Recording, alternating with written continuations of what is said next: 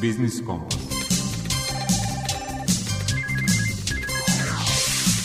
Biznis Kompas.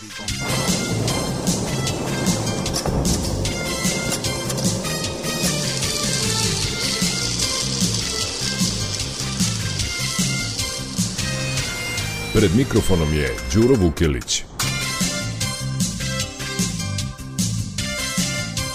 Dobar dan poštovani slušalci. Utorak posle podne na talasima Radio Novog Sada je uobičajeno vreme za ekonomske teme. I da ne dužimo, evo kratkog sadržaja današnjeg Biznis Kompasa. U rubrici Aktuelno govorimo o otežanom kreditiranju investicija i naporima bankara i države da prevaziđu te probleme. Gost autor rubrike iz mog ugla je projektni menadžer u Beogradskom centru za evropske politike Andrija Mladenović. Govorit će o praćenju tokova novca i nadzoru nad nezakonitim finansijskim tokovima. Svet preduzetništva biće u znaku realizacije konkursa Pokrajinskog sekretarijata za privredu i turizam namenjenog subvencionisanju ženskog preduzetništva. U poslednje dve godine vrednost leasinga mašina i opreme uvećana je sa 19 na 25 milijardi dinara. O prednosti leasinga u odnosu na druge oblike finansiranja u rubrici Predmet financije govori zamenik generalnog direktora sektora za kontrolu banaka u Narodnoj banci Srbije Nenad Erdoglija. Evropska komisija predložila je reviziju standarda kvaliteta za veliki broj prehrambenih proizvoda, između ostalog voća i povrća, sokova, džemova, meda i jaja. Slični potezi očekuju i nas kroz izmene zakona o trgovini, najavljuje u rubrici Potrošačka korpa prava pravni savjetnik u Udruženju za zaštitu potrošača Vojvodine Mladen Alfirović. I toliko u uvodu sledi muzička pauza.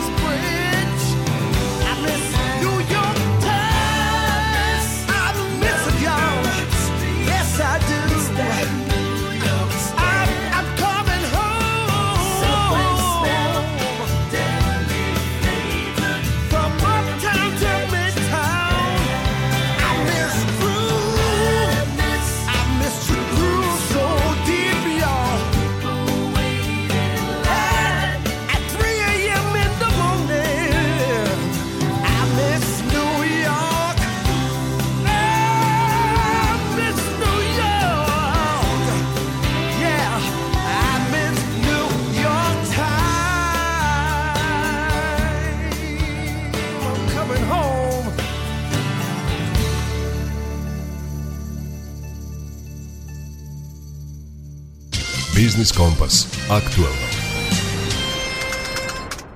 Tek završeni jubilarni 90. Međunarodni poljoprivredni sajam bio je prilika da se na licu mesta osvedočimo u to koliko zaoštrena ekonomska kriza i sve skuplji novac negativno utiču na investicione aktivnosti u sektoru preduzetništva.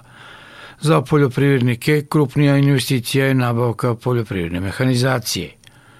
Lanjske nevolje sa poskupljenjem i dugim rokovima isporuke mašina nadgrađeni su ove godine poremećenim odnosima u cenama poljoprivrednih proizvoda.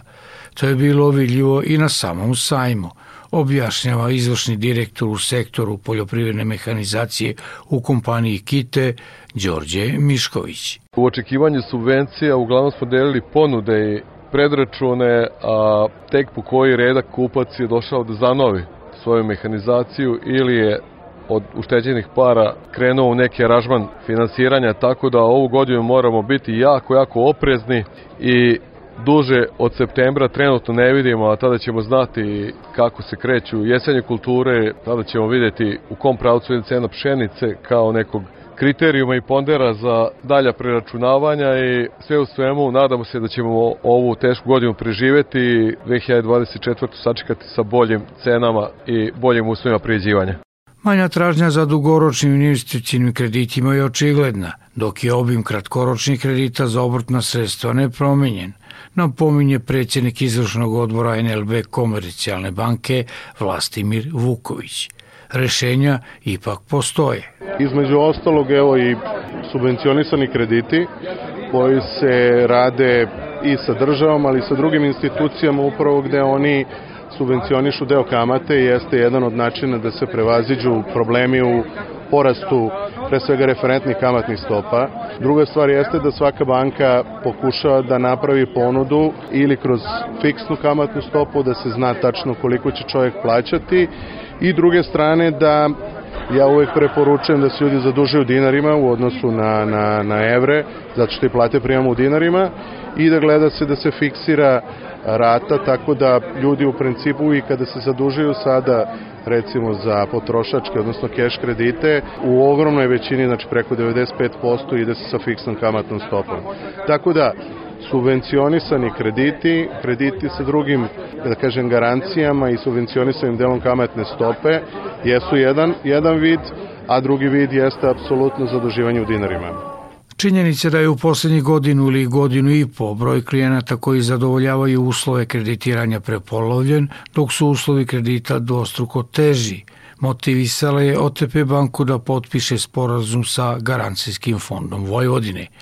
Taj sporazum i banci i klijentima nudi veoma opipljive benefite, ocenjuje direktor departmana za agrobiznis u OTP banci Dejan Mirč.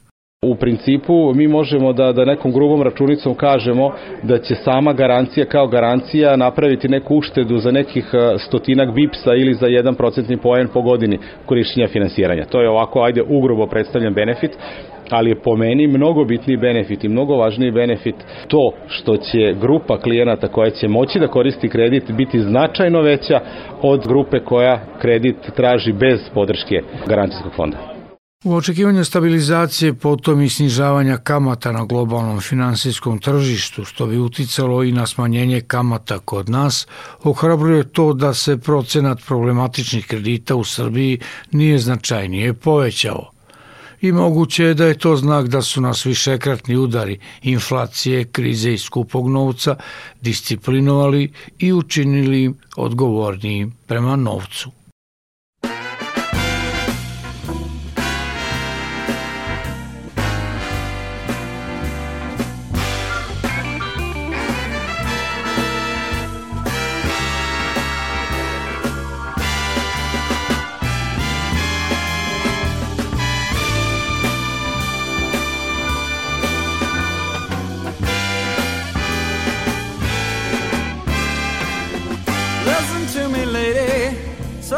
understood.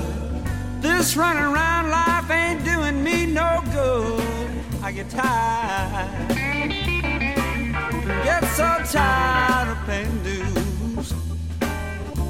But it seems there ain't no way around it. No end to running blue.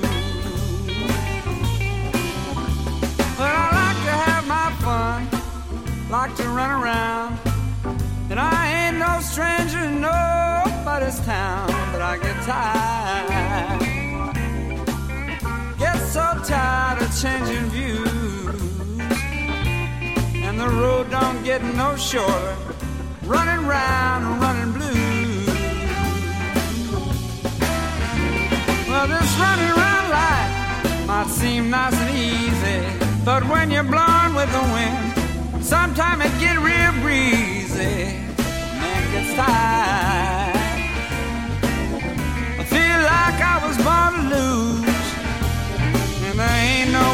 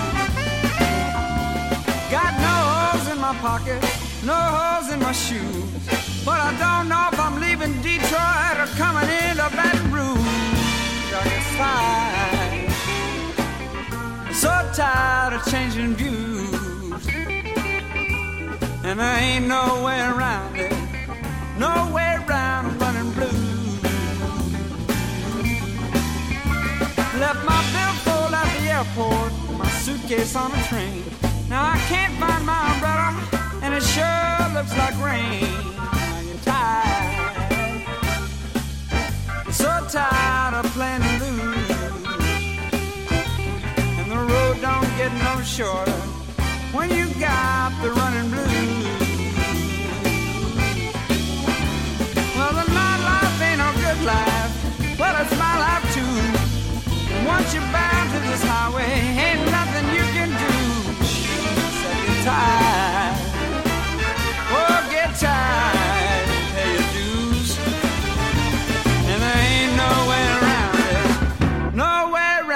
running blues.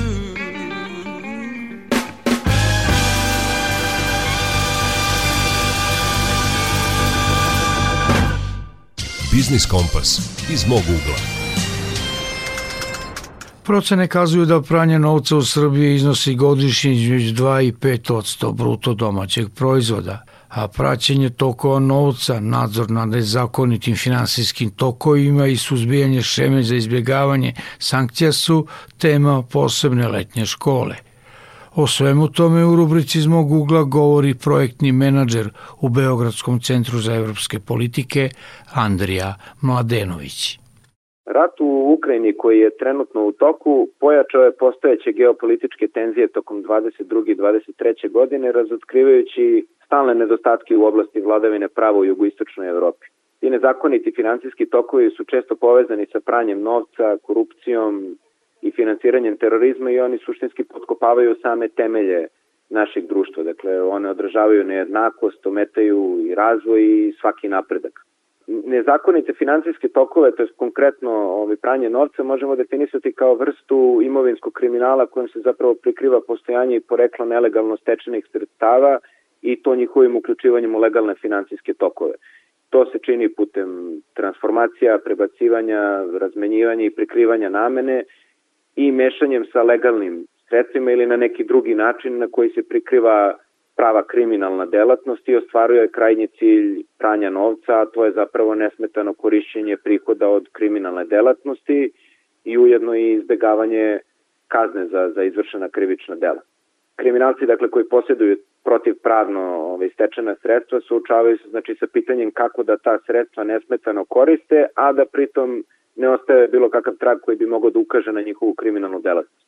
Procene pokazuju da neformalni sektor ekonomije u Srbiji čini ove, oko 27% bruto domaćeg proizvoda, a recimo sektor nekretnina predstavlja jedan možda i najveći rizik e, za pranje novca u zemlji. I ovo se obično ostvaruje kroz ulaganje u izgradnju stambeno-poslovnih objekata, kupovinu stanova, poslovnih prostora i to sve gotovinom. Dakle, I onda se procenjuje da iznos pranja novca po nekim istraživanjima čini u Srbiji između 2 i 5 odsto ukupnog bruto društvenog proizvoda, što je u slučaju Srbije ogromna ovaj, količina novca, broji se u milijardama evra. U poslednjim godinama takođe primećuje se i pojava novih metoda pranja novca, a važno je napomenuti da kriminalne grupe sa Zapadnog Balkana ne ograničavaju svoje operacije samo na taj region, već rade i preko granice. Za pranjem nekih manjih suma novca oni se često koriste neka preduzeća koja obavljaju poslove koje zahtevaju gotovinu. Da li su to firme koji prodaju iznajemlje automobile, benzinske stanice, hoteli i sl. Da bi sve to sprečili, da bi društvo mogla se izbori sa tim, dakle vlade i regulatorna tela u regionu moraju jačati svoje zakonske okvire, tako da obezbeđujući ih da idu u korak sa prirodom finansijskog kriminala koji se prosto stalno razvija. U tom kontekstu i tehnološki napredak igra takođe ključnu ulogu u, u našoj potrazi za ovaj nezakonitim finansijskim tokovima i u, u tom kontekstu dakle prihvatanje inovativnih rešenja kao što su veštačka inteligencija, mašinsko učenje, blockchain tehnologija, dakle sve to može u velikoj meri poboljšati našu sposobnost da otkrijemo sumnjive transakcije i identifikujemo obrazce i pratimo kretanja sredstava preko granice. Takođe, angažovanje sa privatnim sektorom je ključno, dakle, financijske institucije moraju ostati budne, da moraju konstantno sprovoditi i stroge mere za identifikaciju i, i, i sumnjivih aktivnosti. I na kraju su tu naravno i istrage koje vode tužilaštvo i, i policija i u, u tom kontekstu i oduzimanje imovine. Međutim, ono što je ključno, e, to, ključna reč, dakle, je zapravo saradnja. E, saradnja između vlada, regulatornih tela, privatnog sektora i, i, i najprej civilnog društva, sve to može da podstakne, dakle jedino može da podstakne snažnu odbranu od nezakonitih finansijskih tokova i, i raznih šema utaje, što na kraju krajeva i otežava počiniocima da iskoriste manjkavosti sistema.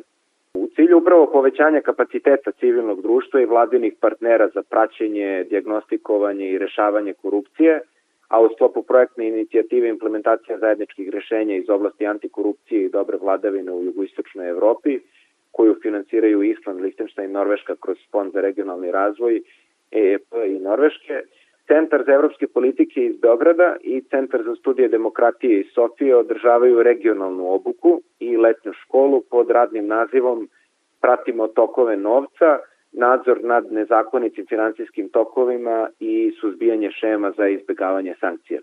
I na tom samom događaju će biti zapravo predstavljene najbolje metode i alati za praćenje nezakonitih financijskih tokova.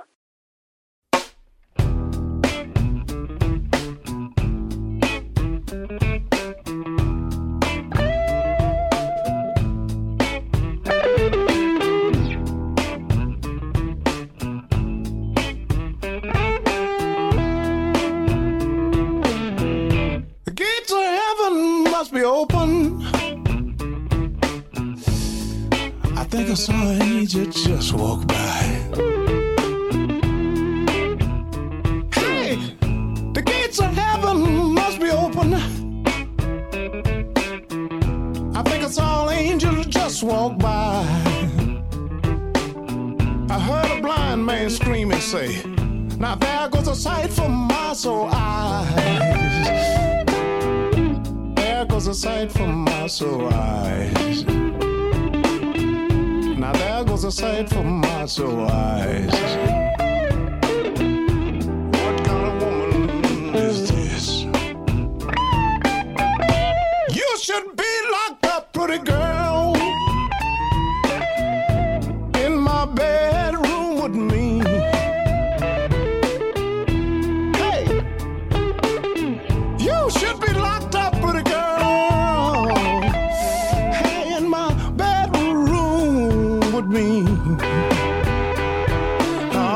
we could do the same thing that Adam did under that old apple tree. What he did under that apple tree. sit under that apple tree.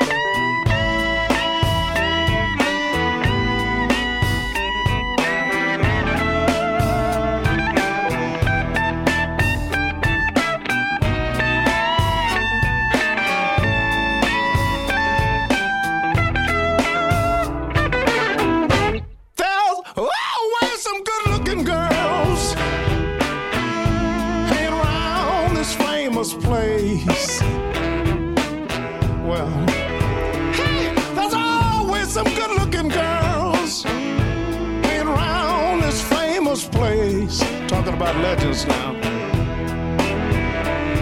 Oh, but this particular one looked like something from outer space. She looked like something from outer space. What kind of woman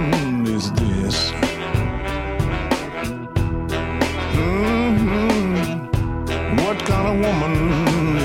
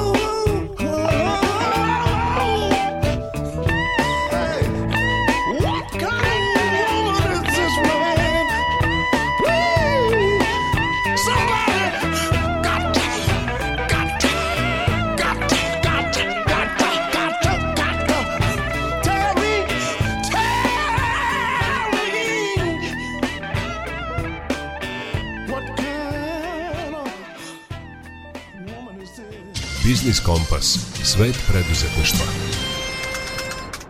U holu pokrajinske vlade uručeni su ugovori po osnovu konkursa za dodelu bespovratnih sredstava ženskom preduzetništvu.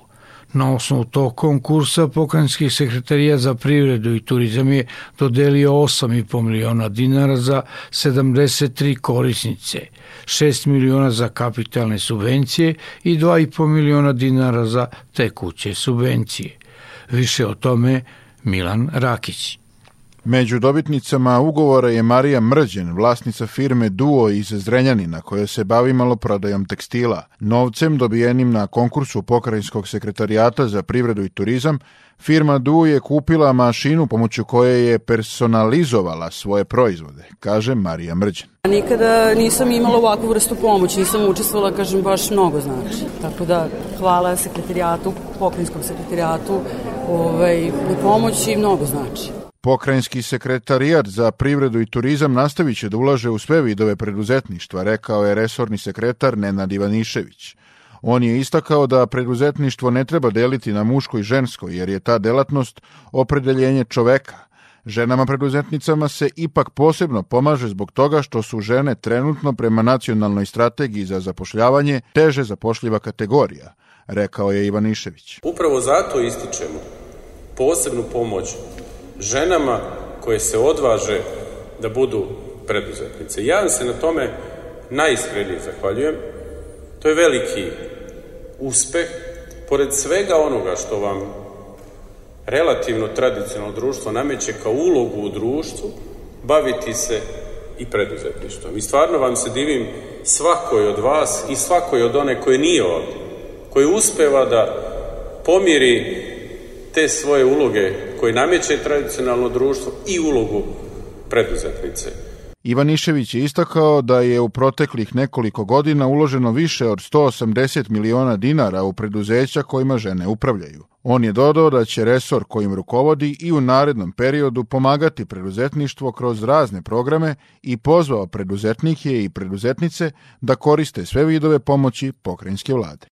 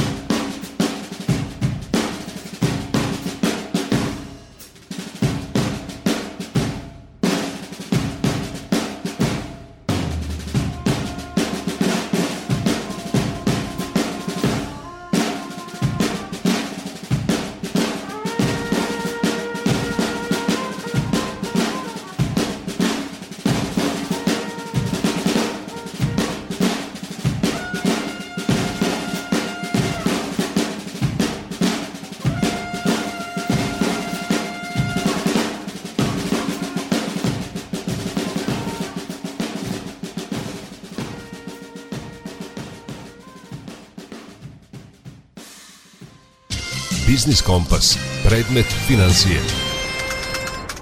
Iako tri četvrtine leasing industrije u Srbiji čini nabavka vozila, primjetno je raste i vrednost nabavljenih proizvodnih, poljoprivrednih i građevinskih mašina i opreme. U posljednje dve godine vrednost leasinga mašina i opreme uvećana je naime sa 19 na 25 milijardi dinara, napominje zamjenik generalnog direktora sektora za kontrolu banaka u Narodnoj banci Nenad Erdoglija i upućuje nas na prednost leasinga u odnosu na druge oblike finansiranja.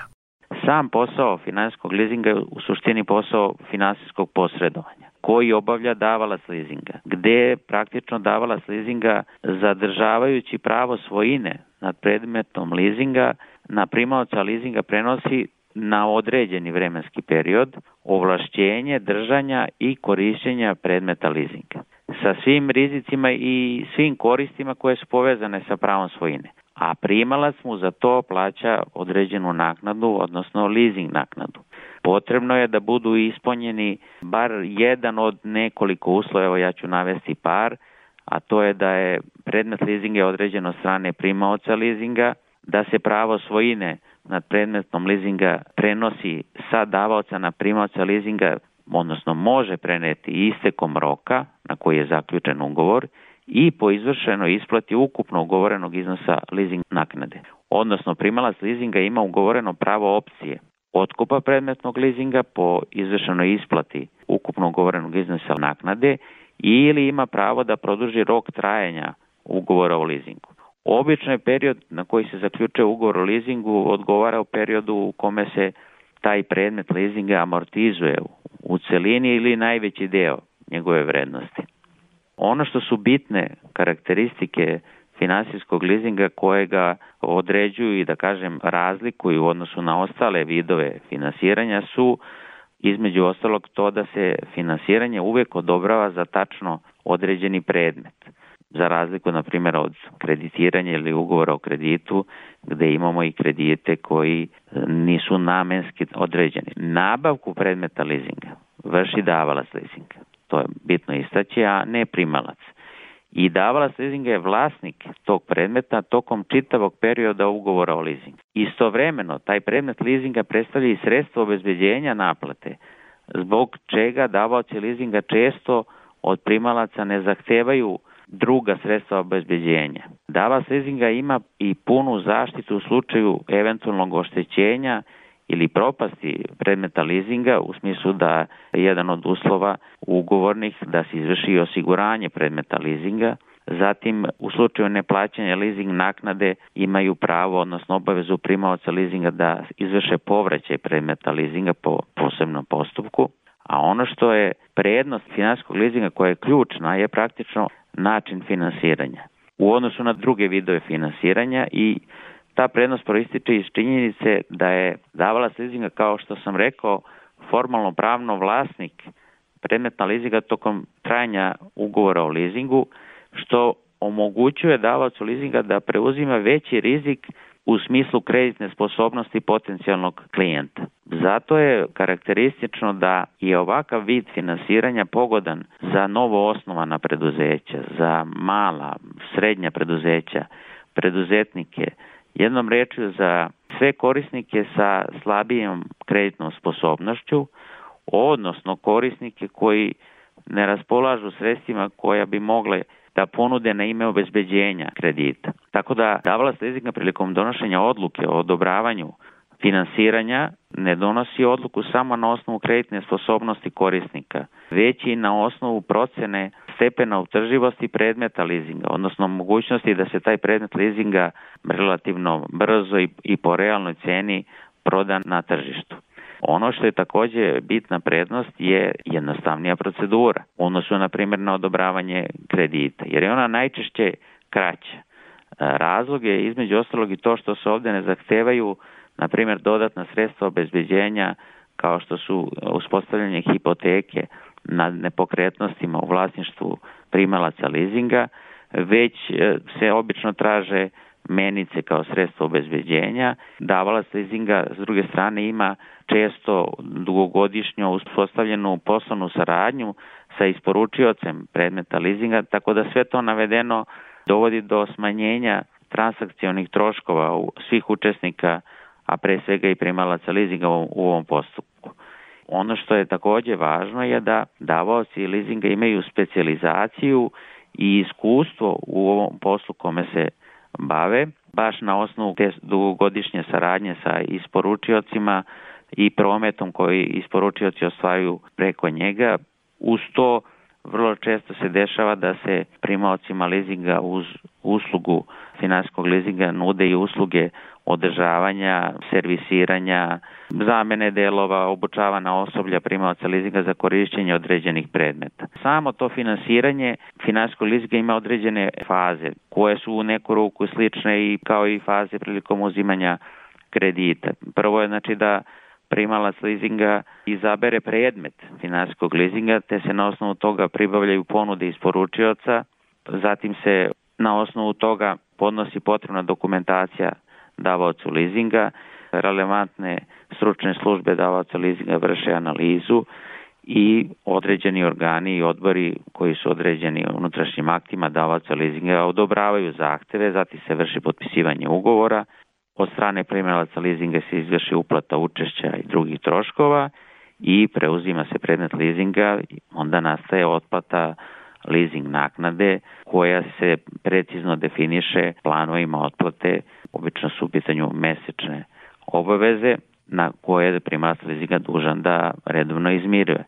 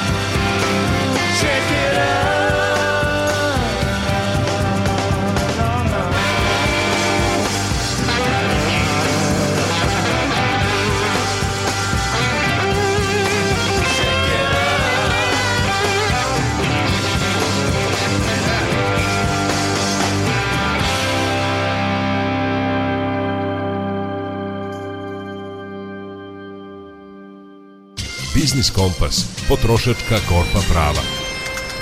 Evropska komisija predložila je reviziju standarda kvaliteta za veliki broj prehrambenih proizvoda, između ostalog voća i povrća, sokova, džemova, meda i jaja.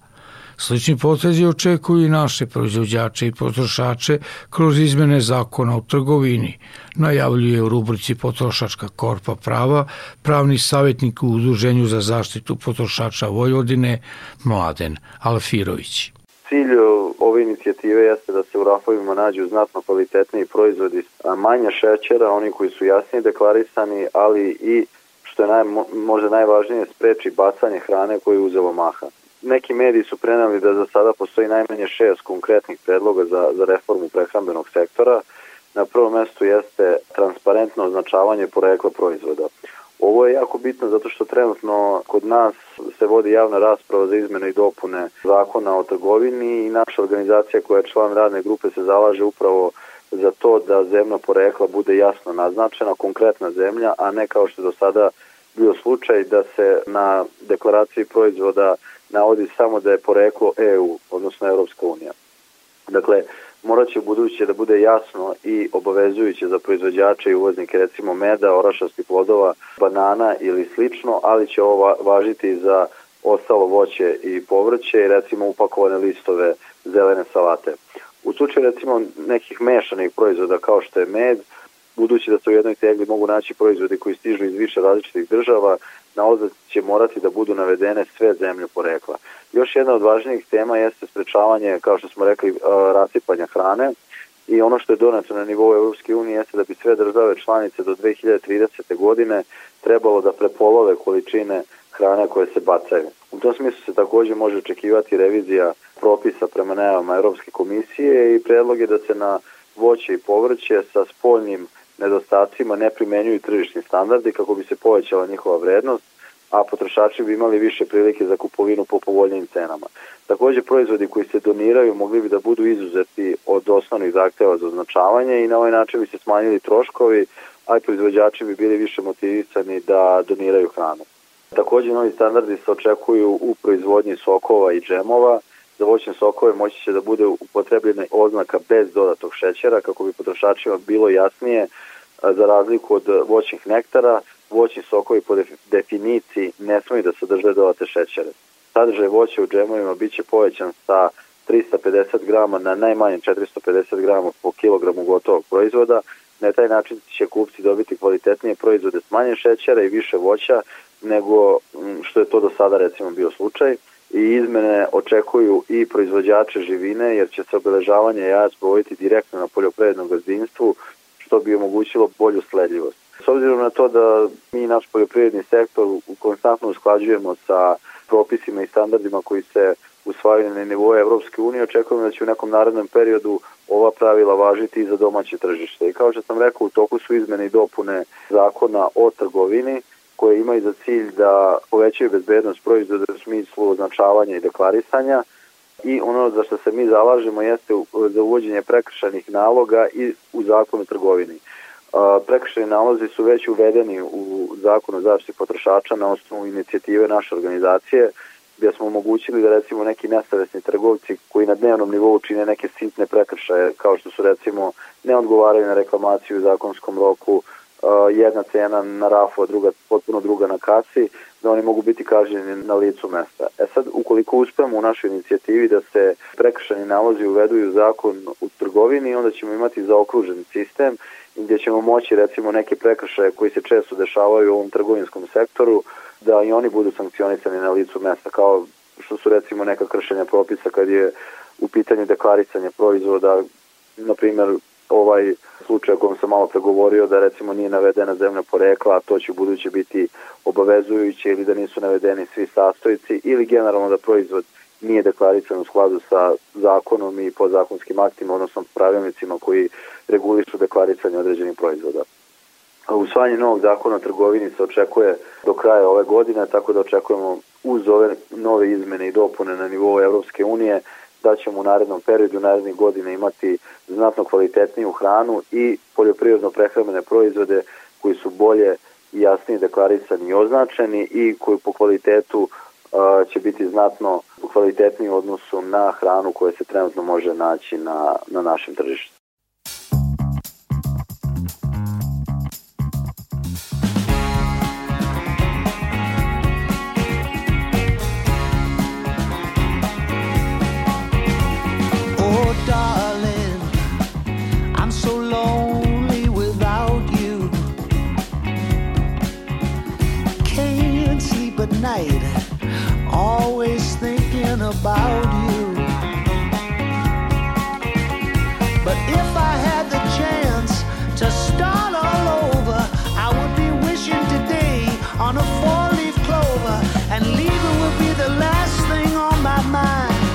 Could turn back the hands of time.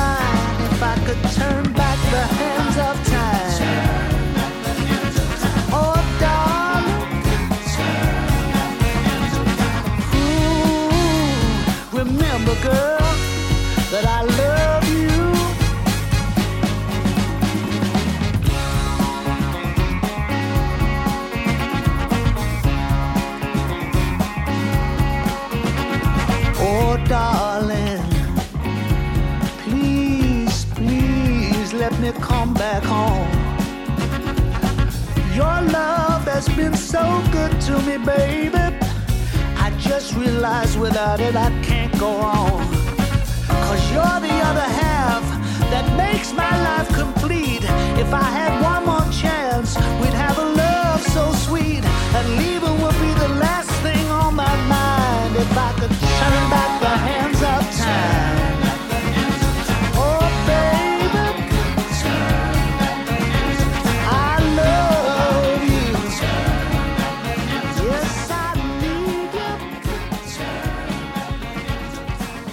Toliko u posljednjem majskom izdanju Biznis Kompasa. Poslušajte ga kao i prethodne odloženo na internet stranici Radio Televizije Vojvodine, podcastu Odloženo slušanje.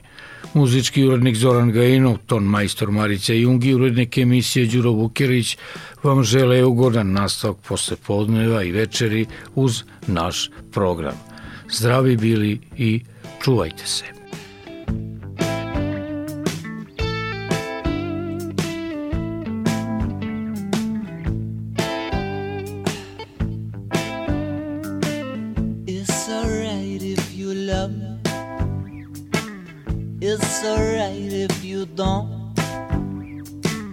Not afraid of you running away, honey. I get the feeling you won't. There is no sense in pretending. Your eyes give you away. Something inside you is feeling like I do. We said all